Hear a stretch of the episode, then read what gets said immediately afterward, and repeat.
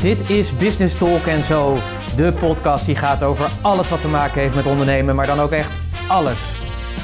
Hier krijg je naast inspiratie en motivatie ook de strategieën en de complete actieplannen die ervoor zorgen dat jij de next level in jouw ondernemerschap bereikt. En je gast hier voor vandaag is Pieter Hensen. Een bijzonder goede dag. Dit is aflevering nummer 187 en die gaat over stop met samenwerken.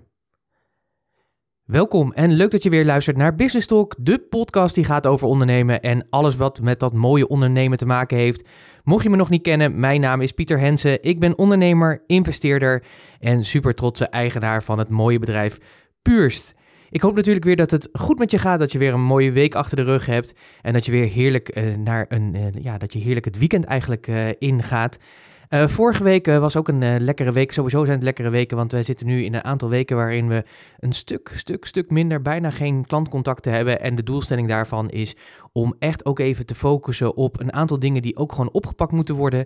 En dat is gewoon heerlijk om daarmee bezig te zijn, om gewoon even inhoudelijk aan je bedrijf te werken. En dat gewoon een paar weken achter elkaar te kunnen doen. En dat is natuurlijk een super luxe en daar voel ik me ook heel erg uh, ja, vereerd in en dankbaar voor dat ik in die positie zit om dat te kunnen doen. Het is gewoon heel erg fijn om op die manier ermee bezig te zijn. Dus uh, dingen die we onder andere gedaan hebben, is de planning voor 2019 verder uh, geconcretiseerd, de doelstellingen daarbij uh, gemaakt. Zodat dat ook allemaal staat, dat ook weggepland. Verder natuurlijk ook dingen als een website. We zijn natuurlijk in juni hebben we een hele nieuwe huisstijl gekregen, een nieuwe website en al dat soort dingen. Maar die moet inhoudelijk verder ook nog gevuld worden. Dus daar hebben we ook de plannen weer voor gemaakt om die goed te kunnen vullen. Zodat ook die website uh, moet doen wat hij moet doen. De juiste mensen aantrekken. Mensen zeg maar inspireren, motiveren. En dat ze daar ook die informatie vinden die ze nodig hebben om hun business te kunnen ja, laten groeien. Hè. Daar is natuurlijk deze podcast onder andere één onderdeel van. En verder heb ik ook heel veel ruimte en tijd om dingen door te denken. En doordenktijd is echt, ja, dat is echt. Ik ben de laatste tijd daar veel meer mee bezig om echt eens goed door te denken over ja, bepaalde dingen die in je bedrijf lopen. Of als je kijkt naar een bepaald proces in je bedrijf, om daar eens goed over na te denken en daarover door te denken. En uh, ik ga daar denk ik nog eens een keer een hele podcast over houden. Maar even kort gezegd betekent doordenktijd niet anders dan dat je gewoon even, ja, denk een periode van 30 minuten neemt waarin je een, ja, een bepaald iets doordenkt. Dus je kunt jezelf een bepaalde vraag stellen of bepaalde procedure neemt en bekijkt van oké, als ik daar eens over doordenk, hoe kan ik het verbeteren bijvoorbeeld? En dat je dan daarover gaat nadenken. Nou, wat de ervaring is, is als je dat gaat doen, doe dat vooral op een plek zeg maar, waar je niet gestoord wordt en die voor jou inspirerend is. Dus dat is meestal op andere plekken dan waar je normaal aan het werk bent. En uh, wat heel fijn is, is dat je merkt dat in de eerste paar minuten, weet je, dan heb je wel de eerste dingen die je zo weet. Want dat zijn de dingen waar je toch al dagelijks tegenaan loopt of waar je over ergert of uh, wat de inzichten al waren van de afgelopen periode. Maar als je na die paar minuten eens blijft doordenken en wat zou ik nog meer kunnen verbeteren, ja, dan, dan moet je dieper graven. En het toffe is, is dat heel veel antwoorden zitten eigenlijk al in je. En wat nog toffer is, is dat je vaak ook na 20 minuten echt tot een paar geniale inzichten komt die echt een verschil kunnen maken voor je bedrijf. En dan gaat het natuurlijk ook, over dat op het moment dat je die inzichten hebt, en daar vraag je ook dan weer wat tijd, neem je ook weer wat tijd voor, is dat je dan ook dat gaat wegplannen. Van hoe ga ik dat dan integreren in mijn bedrijf? Wie moet daar bijvoorbeeld wat in doen? Moet je daar zelf dingen in doen? Of kun je bijvoorbeeld teamleden van jou daar dingen in naartoe delegeren die zij kunnen oppakken, zodat die geniale ideeën die in jou zitten en die dan naar boven komen, dat die ook echt zijn uitwerking krijgen en dat je op die manier dus ook veel meer toegevoegde waarde kan leveren voor jouw klanten. Ja, dat is gewoon heerlijk om te doen. Ik zou zeker zeggen, ga daar gewoon eens mee experimenteren. Ik doe dat nu ook al een hele tijd en ik moet zeggen dat me dat A, het geeft me rust en B, ik word er een betere ondernemer van en C, ook de toegevoegde waarde die ik voor mijn bedrijf kan hebben en daarmee ook voor jou als klant is gewoon enorm. Dus zeker een aanrader. In deze podcast uh, wil ik het graag met je hebben over het stoppen van samenwerkingen. Ik denk zelf dat we samenwerkingen eigenlijk gewoon niet werken, dus ik, ik geloof daar eigenlijk ook niet in. En dat komt ook omdat ik heel veel, als ik heel veel ondernemers en die spreek ik natuurlijk, maar ook als ik naar mijn klanten kijk, in alle situaties waar zij in hebben samengewerkt, zijn er maar echt een heel klein aantal die echt succesvol zijn. Maar de meeste samenwerkingen zijn gewoon mislukkingen. Dat heeft een bepaalde reden. Ik ga je meenemen waarom ik er niet in geloof en uh, waar je op moet letten als je toch gaat samenwerken. Dus ik heb natuurlijk wel een schema voor je. Want samenwerken is natuurlijk eigenlijk gewoon een proces. Natuurlijk heb ik ook weer gezorgd dat dat proces te vinden is in de podcastnotities. Dus wil je die hebben, ga daarvoor naar puurs.nl slash podcast 187. Daar vind je naast gewoon deze aflevering ook de knop om de podcastnotities te downloaden. En dan heb jij van mij de samenvatting met een aantal inzichten waarom ik vind dat je moet stoppen met samenwerken en waarom samenwerken eigenlijk niet werkt. En als je er toch voor gaat, hoe kun je dan zorgen dat je toch de juiste stappen zet, waardoor de, het succes van samenwerken een veel grotere kans van slagen heeft. Nou, ik hoop dat je dat inspireert om uh, verder te luisteren naar deze waardevolle podcast. En dan ga ik jou meenemen waarom ik denk dat je eigenlijk niet moet gaan samenwerken. Allereerst, en dat is mijn eerste punt, is, is dat samenwerken leidt heel vaak af van de focus van je bedrijf.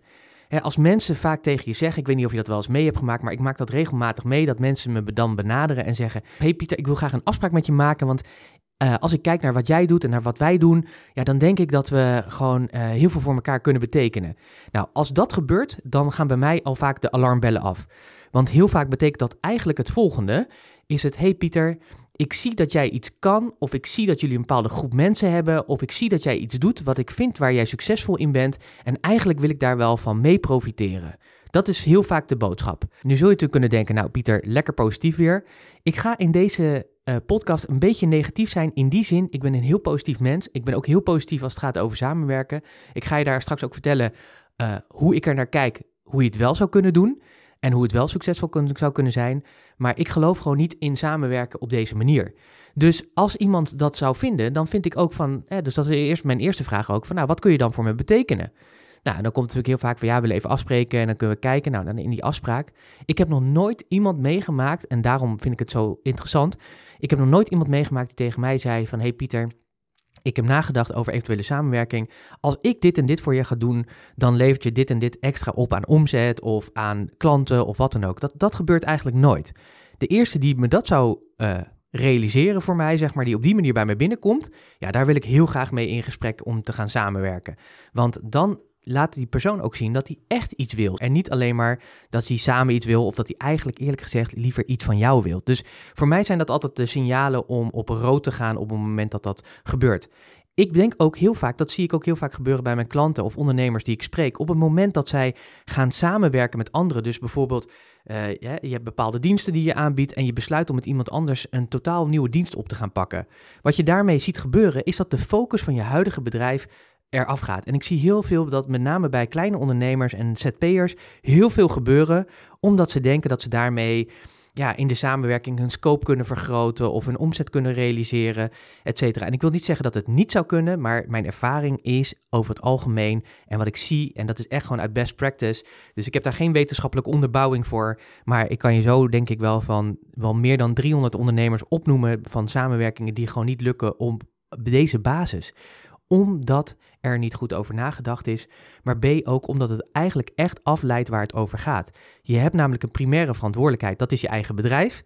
En ja, het is leuk om te samenwerken met anderen, maar zorg dat die focus dan ook echt ligt, zeg maar, binnen ja, de doelstellingen van je bedrijf. En dat is heel vaak een lastige. Dus mijn redenatie is altijd: zorg ervoor dat je niet gaat samenwerken in een nieuwe constructie om een nieuw product of dienst neer te zetten, maar zorg ervoor dat alleen de samenwerking die je dan toch uh, zo nodig moet vormgeven, dat die echt gericht is alleen maar op de focus en de groei en de bedrijfsdoelstellingen die jij met jouw bedrijf hebt. Daarbij, en dat is nummer twee, merk ik dat heel veel mensen gaan samenwerken op basis van een klik. Dat hoor je ook wel vaak van ja, we hebben zo'n lekkere klik samen, het, uh, het, het klikt echt goed en uh, daarom gaan we lekker samenwerken. Werken. Nou, dat vind ik natuurlijk heel erg fijn, weet je, als het natuurlijk klikt met iemand, dat is natuurlijk altijd fijn. Maar een goede klik, dat betekent nog niet dat je met elkaar gaat trouwen. Daar is namelijk heel veel meer voor nodig. En ik vergelijk het ook maar even met uh, een relatie opbouwen, want samenwerken gaat over een relatie bouwen.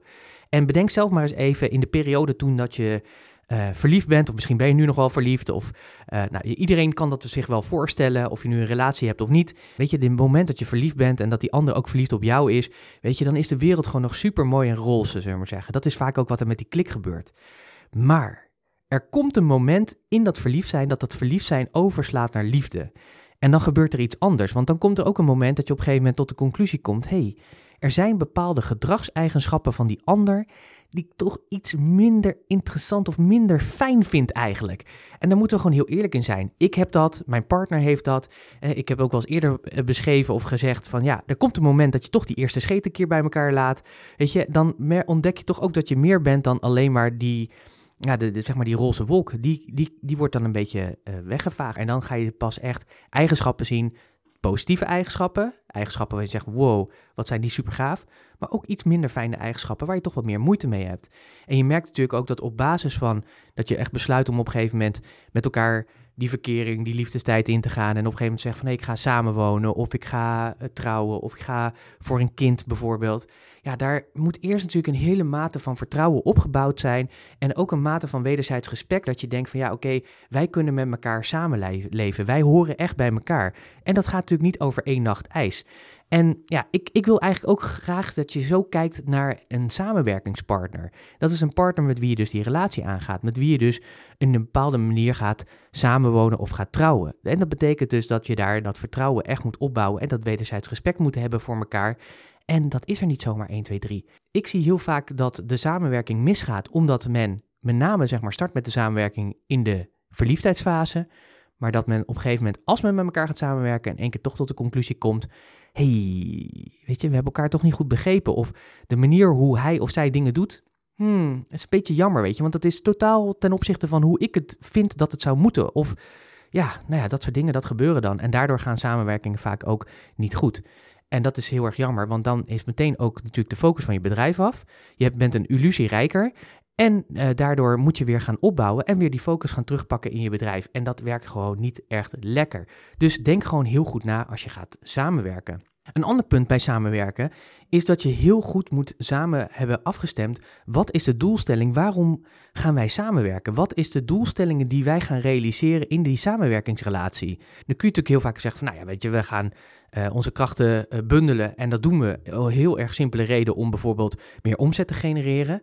Maar dan is het wel belangrijk om daar concrete doelstellingen aan te koppelen. Sterker nog, want dan ben je er nog eigenlijk niet. Eigenlijk moet je met elkaar echt doorkouwen. Wat bedoel je dan precies? Hoe zie je dat voor je? Hoe ziet dat eruit? Wat doe je dan wel? Wat doe je niet? En het klinkt een beetje kinderachtig allemaal, maar het is echt zo belangrijk om dit soort dingen te doen.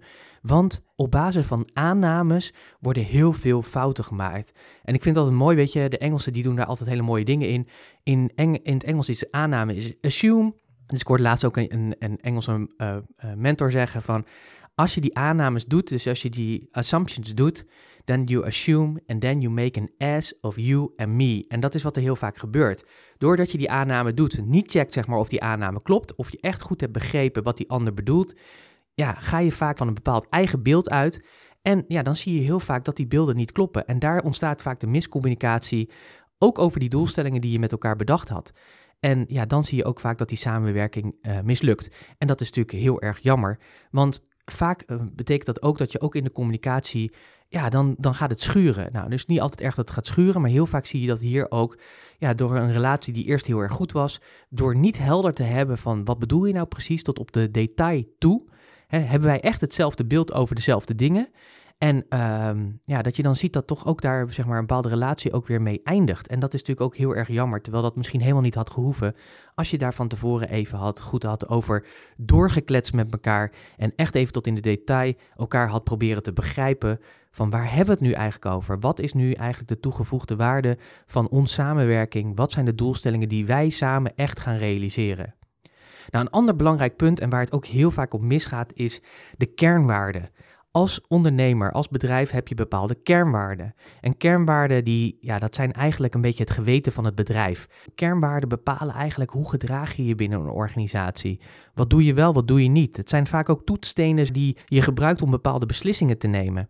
En heel vaak als het in samenwerkingen niet goed gaat, of het gaat bijvoorbeeld met personeel niet goed of wat dan ook, als je dat dan eigenlijk helemaal uitkleedt, dus de ui afpelt, dan kom je eigenlijk tot de conclusie dat de kernwaarden ja, met voeten getreden zijn eigenlijk. En daarom is het ook zo belangrijk om A, die kernwaarden te hebben als ondernemer. En niet alleen als ondernemer, maar ook voor je bedrijf te hebben. Wij hebben die natuurlijk ook. Een van die kernwaarden is groei. Maar bijvoorbeeld, we hebben ook bijvoorbeeld een kernwaarde liefde. En kernwaarden zijn natuurlijk containerbegrippen. Dus kijk, groei en liefde zegt nog niet zoveel. Want wat voor mij voor groei en liefde staat, kan voor jou heel iets anders uh, betekenen. Dus daarom moet je natuurlijk ook beschrijven wat je ermee bedoelt. Maar het mooie van kernwaarden is wel dat je daar ook gedragscomponenten aan kan koppelen. Dus je kan ook aangeven van, hey, als ik kijk naar die kernwaarden, wat voor gedrag zie ik daar dan bij? En dat is heel erg belangrijk, want als je die zeg maar kan vertalen, dan kun je mensen ook bijvoorbeeld aanspreken op bepaald gedrag wat ze wel of niet laten zien. En dan kun je ook aangeven waarom die kernwaarden zo belangrijk zijn. Nou, heel vaak zie je dus daar waar het misgaat in samenwerkingen, is dat die kernwaarden niet complementair of niet overeenkomen met elkaar. Dus sterker nog, heel vaak heb je het er niet eens over. Want ja, weet je, de klik is er, dus we gaan gewoon lekker van start. Nee, nee, je moet echt met elkaar, net zoals bij die doelstellingen, het erover hebben. hey, dit zijn mijn kernwaarden. En dat betekent zeg maar dat als wij het hebben over durf, wat ook een kernwaarde is, is dat betekent dat wij dus altijd ook uit onze comfortzone komen. En dat betekent dus ook het volgende gedrag. Is dat we altijd dingen doen ja, waarvan we toch stiekem vinden dat we, dat, we, dat we dat spannend vinden. Uh, niet alleen stiekem, maar soms ook publiekelijk. En, uh, maar er toch voor kiezen om het wel te gaan doen omdat we weten dat echte groei, en daar heb je groei weer als kernwaarde, die vindt pas plaats als je uit je comfortzone komt. En daar moet je over doorpraten. Daar moet je met elkaar over door filosoferen hoe dat eruit ziet. En heel erg belangrijk is om te weten dat kernwaarden zijn niet onderhandelbaar. Dat zijn die waarden die zo essentieel voor je zijn, waar je gewoon niet overheen gaat. En je merkt ook op het moment dat een andere over jouw kernwaarden heen stapt of die zeg maar met voeten treedt, ja, dan, dan gebeurt er ook iets van, van binnen. Dan gaat er iets in je bedrijf morrelen. Dat heb je ook vaak met klanten die over je kernwaarden heen, heen stappen. Dan heb je iets te doen daarin. Dan heb je hen weer te wijzen op het feit dat het zo niet werkt en hoe het wel dan werkt. En daarom is het ook zo belangrijk om van beide partijen die kernwaarden naast elkaar te leggen, die gedragscomponenten te benoemen en te kijken, komen die overeen? Begrijpen wij elkaar echt 100%? En kunnen we elkaar ook daarop respecteren dat wij daarin misschien iets anders zijn, maar dat dit wel de essentiële dingen zijn? En heel vaak zie je ook als de samenwerking niet lukt en je gaat dat dus weer terugredeneren, dan blijkt dus dat die kernwaarden niet overeenkomen. Of misschien wel overeenkwamen, maar niet de inhoudelijke vertaling daarvan. Dus daarom is het ook zo belangrijk om die kernwaarden met elkaar te delen, omdat die dus niet onderhandelbaar zijn. En daarnaast moet je natuurlijk ook realiseren, en dat is nummer vijf, is dat je als mens, uh, ondernemer, maar als bedrijf ook bepaalde kwaliteiten hebt. En ook hier zie ik heel vaak dat het uh, misgaat in de, in de samenwerking. Want dat gebeurt heel vaak in de samenwerking, zeker als die gebaseerd is op die klik. Dan blijkt heel vaak dat de kwaliteiten die jullie hebben als, zeg maar als samenwerkingspartners, dat die vaak niet complementair aan elkaar zijn, maar dat die heel vaak gelijk zijn. Als dingen gelijk zijn, dan doe je het allebei goed, maar ook allebei op jouw manier. En vind je ook allebei van de ander daar iets van. En dan zie je vaak dat het gaat schuren. Op het moment dat je kwaliteiten complementair zijn, en ik vind ook dat daar samenwerking over zou moeten gaan, jij mist bepaalde competenties die je nodig hebt om de waarde naar je klanten toe te vergroten, en die ander mist dat ook om dat naar zijn of haar klanten te doen, ja, dan is samenwerken interessant. Maar heel vaak is dat niet zo, omdat je heel vaak, ja, waarom heb je die klik? Omdat het gewoon zo lekker klikt, omdat je veel van hetzelfde bent. En het is juist zo interessant om te kijken van, oké, als we kijken naar de kwaliteit van mijn bedrijf en naar die van jou en van mij als ondernemer en naar die van jou als ondernemer, naar mijn team en naar jouw team, waar zitten dan de overeenkomsten en waar vullen we elkaar echt aan? En daar waar je echt complementair aan elkaar bent, daar werkt samenwerken ook zo lekker. Dus dat is heel erg tof. Ik heb natuurlijk Annemieke, mijn, mijn businesspartner, uh, met wie ik samenwerk. En wij zijn heel complementair aan elkaar. Dus wij hebben bepaalde kwaliteiten, uh, allebei, die we allebei bij de ander niet hebben.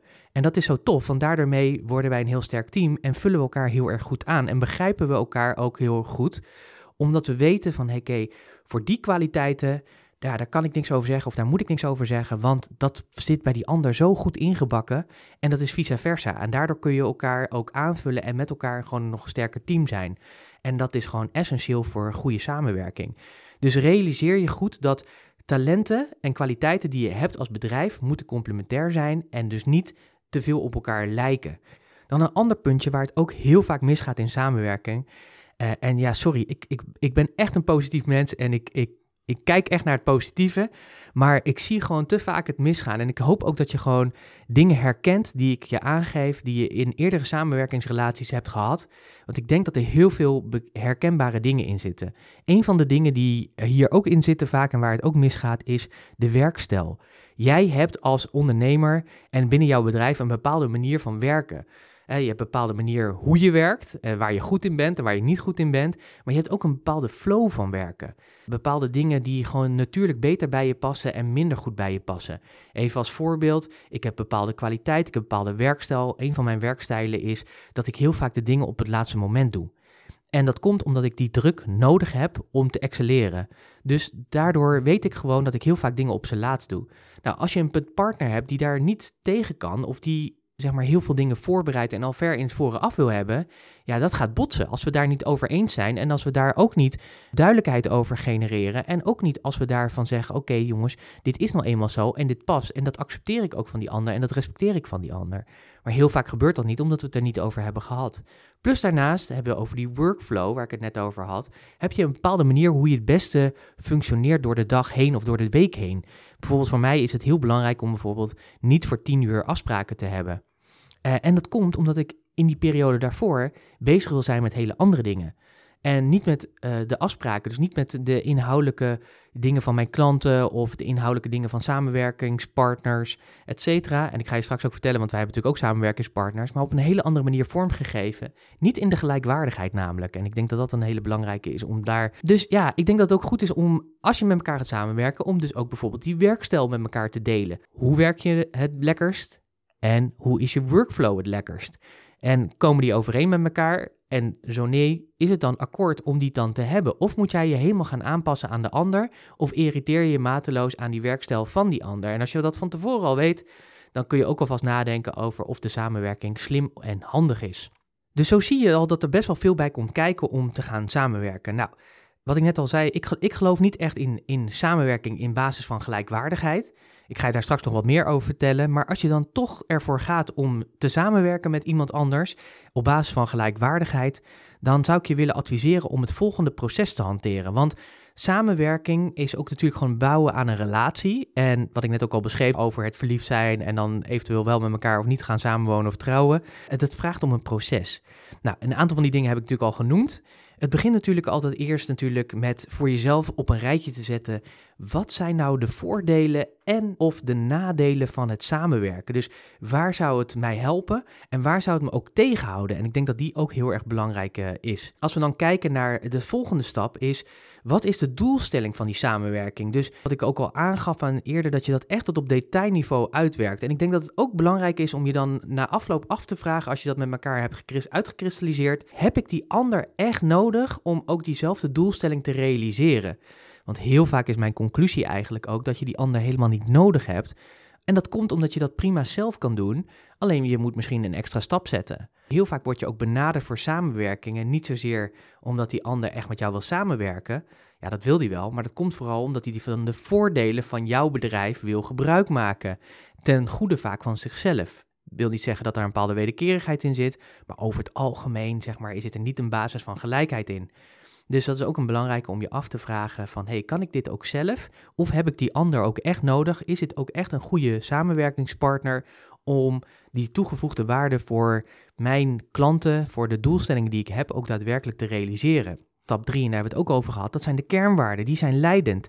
En vanuit die kernwaarden heb je die gedragscomponenten. Dus bespreek ook met die samenwerkingspartner ook ja, die kernwaarden en die gedragscomponenten. En kijk of je elkaar helemaal begrijpt daarin. Snappen jullie echt waar het over gaat? Snap je echt wat je belangrijk vindt bij die ander? Of snappen jullie allebei wat jullie belangrijk, samen belangrijk vinden in het samenwerken? En ja, wees daar ook gewoon realistisch in. Op het moment dat dat niet goed voelt, of dat niet passend is, of je moet concessies gaan doen aan je kernwaarden, dan moet je gewoon niet gaan samenwerken. Zo simpel is het. Nummer vier is kijk naar die kwaliteiten van jezelf als onder, hè, van jezelf natuurlijk, uh, van je eigen bedrijf, maar ook van je samenwerkingspartner. En kijk daarin vooral, zijn jullie complementair aan elkaar? Vullen jullie elkaar aan? Nummer vijf is natuurlijk die werkstijl waar ik het over heb gehad. Uh, hoe is die van jou? Hoe loop jij het lekkers door de week? Hoe werk jij het prettigst? Hoe is dat voor je samenwerkingspartner? En kunnen jullie daarin elkaar vinden? En versterkt dat ook elkaar of juist niet? Of zit dat elkaar alleen maar tegen? En natuurlijk is het natuurlijk belangrijk om te realiseren dat dit een proces is. Het is een proces wat tijd vraagt. En daarom is het ook goed, en dat adviseer ik mijn klanten ook altijd als ze toch voor samenwerking gaan, of het nou zeg maar in gelijkwaardigheid is of mensen aan een team toevoegen, neem ook de tijd om op verschillende plekken, op verschillende tijdstippen, die gesprekken te voeren over verschillende thema's.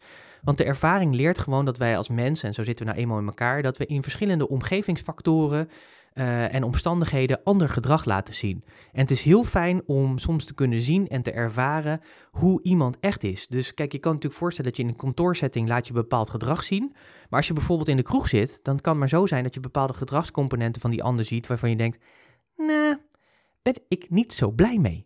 Eerlijk gezegd, dat past eigenlijk helemaal niet zo bij mij. En dat is juist zo fijn, want het gaat natuurlijk uiteindelijk om een succesvolle samenwerking. Dus neem daar ook echt de tijd voor. Neem die tijd ook om op verschillende tijden en verschillende momenten met elkaar af te spreken en dingen te bespreken en misschien nog eens een keer te herhalen om gewoon te zien, hey, hoe verhouden wij zich tot elkaar, ook als wij in andere contexten met elkaar aan het werk zijn. En dat geeft vaak ook een heel goed beeld. Oh ja, en waar ik het niet over heb gehad, en dat is nummer 7 in, deze, in dit stappenproces, is dat je natuurlijk zorgen voor, als je dan toch besluit om te gaan samenwerken, please, please, please, zorg ook dat je een exit-strategie hebt. En een exit-strategie betekent dat je van tevoren al bepaalt in de samenwerking, stel dat een van ons wil stoppen. Hoe gaat het dan in zijn werk? Onder welke voorwaarden kan dat wel en onder welke voorwaarden kan dat niet? En wat gebeurt er dan bijvoorbeeld met opgebouwde revenuen? Of wat gebeurt er dan met um, intellectueel eigendom? Stel dat je samen een programma hebt ontwikkeld. Wie wordt daar dan de eigenaar van? Of moet de ander dat uitkopen, et cetera? Hoe meer je dat van tevoren hebt bepaald, hoe minder gezeik dat achteraf geeft. En geloof me, hier gaat het ook heel vaak mis, doordat er geen exit-strategie is. Dat op een gegeven moment iemand zegt: Ik zie het niet meer zitten. En dan gebeurt er vaak een hele hoop ellende, uh, die vaak voorkomen had kunnen worden op het moment dat je die exit-strategie van tevoren al had bedacht. En nu ik het er zo over heb, dat betekent natuurlijk ook dat je iets anders moet doen. En dat is nummer 8. En dat is dat je naast die exit-strategie een soort startdocument moet maken met elkaar over wat je precies gaat doen, hoe de samenwerking vormgegeven wordt, hoe je gezamenlijk daarin staat, hoe het gaat over revenueverdeling, hoe zijn verhoudingen, uh, ook weer dat intellectuele eigendom, wie is waar eigenaar over, is dat 50-50 of heb je dat in een andere verhouding gedaan, wie brengt wat in, in, de samen, in het samenwerkingsverband of in de samenwerking met elkaar. Nou, noem maar op, weet je, allemaal dingen waar je van tevoren ook heel goed over na kan denken om te voorkomen dat je niet voor verrassingen komt te staan. Dus ik denk dat dat acht hele belangrijke stappen zijn die jij zou moeten doorlopen of die je zou mee kunnen nemen als je toch besluit om met iemand te gaan werken op basis van gelijkwaardigheid. Ik vind dat samenwerken vaak echt overschat wordt. Ik geloof er eigenlijk ook niet in, zeker niet op basis van gelijkwaardigheid. En de reden waarom heb ik natuurlijk al aangegeven. Ik geloof dat het te veel afleidt van de focus binnen je eigen bedrijf. Ik geloof natuurlijk echt wel in samenwerken, weet je, want ik werk natuurlijk ook veel samen met mensen. Ik heb natuurlijk ook een aantal mensen die ik inhuur, uh, die echt mijn team zijn. Uh, maar daar zit een andere vorm van samenwerking in. Dus wij werken wel samen en ieder is verantwoordelijk voor een stukje binnen mijn bedrijf. Maar het betekent wel dat daar een balans in zit. Dus de samenwerking is vormgegeven op basis van gezag. Zij doen de dingen die we van hun vragen, de doelstellingen. Ze mogen dat op hun eigen manier doen binnen bepaalde kaders. En ik betaal hun daarvoor.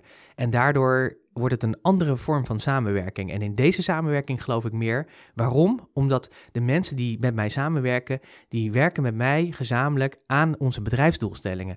Kortom, die werken aan de continu toegevoegde waarde die wij proberen toe te voegen aan onze klanten. En dat is natuurlijk een hele andere vorm van samenwerking. Want ja, je kunt het natuurlijk niet alleen. Wil je echt groeien, moet je natuurlijk ook gewoon samenwerken met anderen. Heb je een team nodig van mensen die daarvoor gaan. Alleen heel vaak is het zo dat samenwerking gaat over... jij hebt een bedrijf, ik heb een bedrijf. Goh, zullen wij gezamenlijk een nieuw product in de markt zetten? Of zullen we gezamenlijk daar iets in doen? Dan zeg ik, doe dat vooral niet. Mijn ervaring is niet alleen zelf, maar ook op basis van wat ik heel veel van zie van de ondernemers die ik spreek en de klanten die we hebben, dat dat gewoon niet werkt, niet functioneert. Omdat ja, daarmee de focus wordt afgeleid van de doelstelling die jij als ondernemer wil hebben. En dat gaat toch ergens springen. Plus daarbij, ik geloof altijd gewoon in één sterke kapitein op het schip. Dat neemt niet weg dat die kapitein natuurlijk luistert naar al de experts die, in zijn, uh, die op zijn schip zitten, zeg maar, om te zorgen dat het ook die koers houdt en dat het ook gewoon een schip is wat goed functioneert. Maar jij bent in controle, jij bepaalt, jij betaalt. Zo simpel is het gewoon. Dus ik geloof echt wel in samenwerken, maar niet op basis van gelijkwaardigheid. En als je het dan toch doet op basis van gelijkwaardigheid, ga dan ook echt voor gelijkwaardigheid. En dat betekent dus dat je dus besluit om je beide bedrijven te integreren tot één samenwerkingsgeheel. En daarin dus ook dan echt ja, met elkaar op te gaan trekken als één entiteit. En dan geloof ik er ook in dat samenwerking ook heel goed kan werken. Neem niet weg, want het is niet voor niets dat heel veel fusie samenwerkingsdingen misgaat op basis van cultuurverschillen, op basis van inzichten, et cetera. Dus het neemt niet weg dat je dat proces nog steeds goed moet doorlopen met elkaar. Maar ik geloof wel meer, want dan gaat het echt ook meer over gelijkwaardigheid en gelijke verantwoordelijkheden. En heb je niet nog een een focus die daarnaast ligt, wat eigenlijk je eigen bedrijf is, dan geloof ik dat samenwerking heel goed kan, uh, kan werken. En dat het dan ook gewoon, ja, dat het dan ook succesvol is. Kortom, samengevat zou ik zeggen: samenwerken, doe het gewoon niet. Hou de focus op je eigen bedrijf. Zorg er wel voor dat in de groei van je bedrijf dat je hele interessante mensen aan je bindt die bepaalde delen van jouw bedrijfsvoering over kunnen nemen, zodat jouw doelstellingen nog sneller worden gerealiseerd. Daarin is samenwerking natuurlijk essentieel, maar dat is een andere vorm van samenwerking als op basis van gelijkwaardigheid. En uh, ik geloof ook echt dat je wel verder kan komen natuurlijk met samenwerken, maar dan moet je er echt zorgen dat je ook 100% met elkaar ervoor gaat en committed bent en niet nog een eigen bedrijf of een andere focus daarnaast moet hebben, want dat werkt gewoon niet. Ik wil je weer bedanken dat je geluisterd hebt. Ik hoop dat het natuurlijk waardevolle inzichten voor je zijn geweest. Ik hoop ook dat ik je uh, mee heb kunnen nemen waarom ik denk dat je niet moet gaan samenwerken en waarom samenwerkingen heel vaak dus mislopen. En ik denk dat er ook wel, als je er terugluistert, dat voor jou ook heel, ja, dat er toch wel een aantal onderwerpen zijn waarvan je zegt, ja, dat klopt inderdaad. Daar heb ik het laten liggen als ik kijk naar samenwerkingen die ik ben aangegaan, die mislukt zijn. Of als ik dit van tevoren had geweten, dan was de kans groter geweest dat je A, of niet aan de samenwerking was begonnen, of B, dat je gewoon een beter beeld had van de samenwerking en het veel, veel beter had vormgegeven. Zodat je niet gedurende die samenwerking tegen allerlei uh, ja, dingen aanloopt waardoor die samenwerking uh, niet, niet, niet succesvol is. En dat is natuurlijk heel erg jammer. Zeker omdat je vaak heel veel tijd en energie erin stopt. Uh, en met passie er natuurlijk erin gaat. En dat je natuurlijk, de essentie is natuurlijk altijd positief geweest. Je wilt natuurlijk met elkaar iets realiseren. Uh, maar je ziet ook weer hoe belangrijk en hoe lastig soms samenwerken ook is. wil je toch gaan voor dat samenwerken, neem deze stappen dan lekker mee. Ik ben heel erg benieuwd uh, wat je vond van deze podcast. Laat dat weten op de verschillende kanalen waar deze uh, podcast uh, verschijnt. Of dat nou op de website is, of op de social media kanalen, of in Soundcloud, of in iTunes waar je de podcast kan luisteren. ik hoor heel graag van je. Wil je persoonlijk reageren, dan kan dat natuurlijk ook altijd. Stuur mij een mailtje naar pieter.puurs.nl. Vergeet natuurlijk even niet de podcastnotities te downloaden. Ga daarvoor naar puurs.nl slash podcast 187. Dan heb je even een samenvatting van de 8, 9 items die ik met je doorgenomen als het gaat om samenwerken. En ook het proces zoals ik er tegenaan kijk, wat je zou moeten doorlopen als je echt voor een samenwerkingspartner gaat, om dat ook succesvol vorm te geven. De acht, negen stappen die ik daarin heb uh, beschreven, of die ik daarin heb benoemd uh, net. En um, uh, ja, dat is een heel mooi naslagwerk, dus altijd fijn om te hebben. Rest mij niets meer dan je nogmaals te bedanken dat je hebt geluisterd. Ik wens je een heel mooi weekend. En ik spreek je natuurlijk graag weer volgende week met weer een hele nieuwe podcast. Um, dankjewel en tot volgende week. Hoi.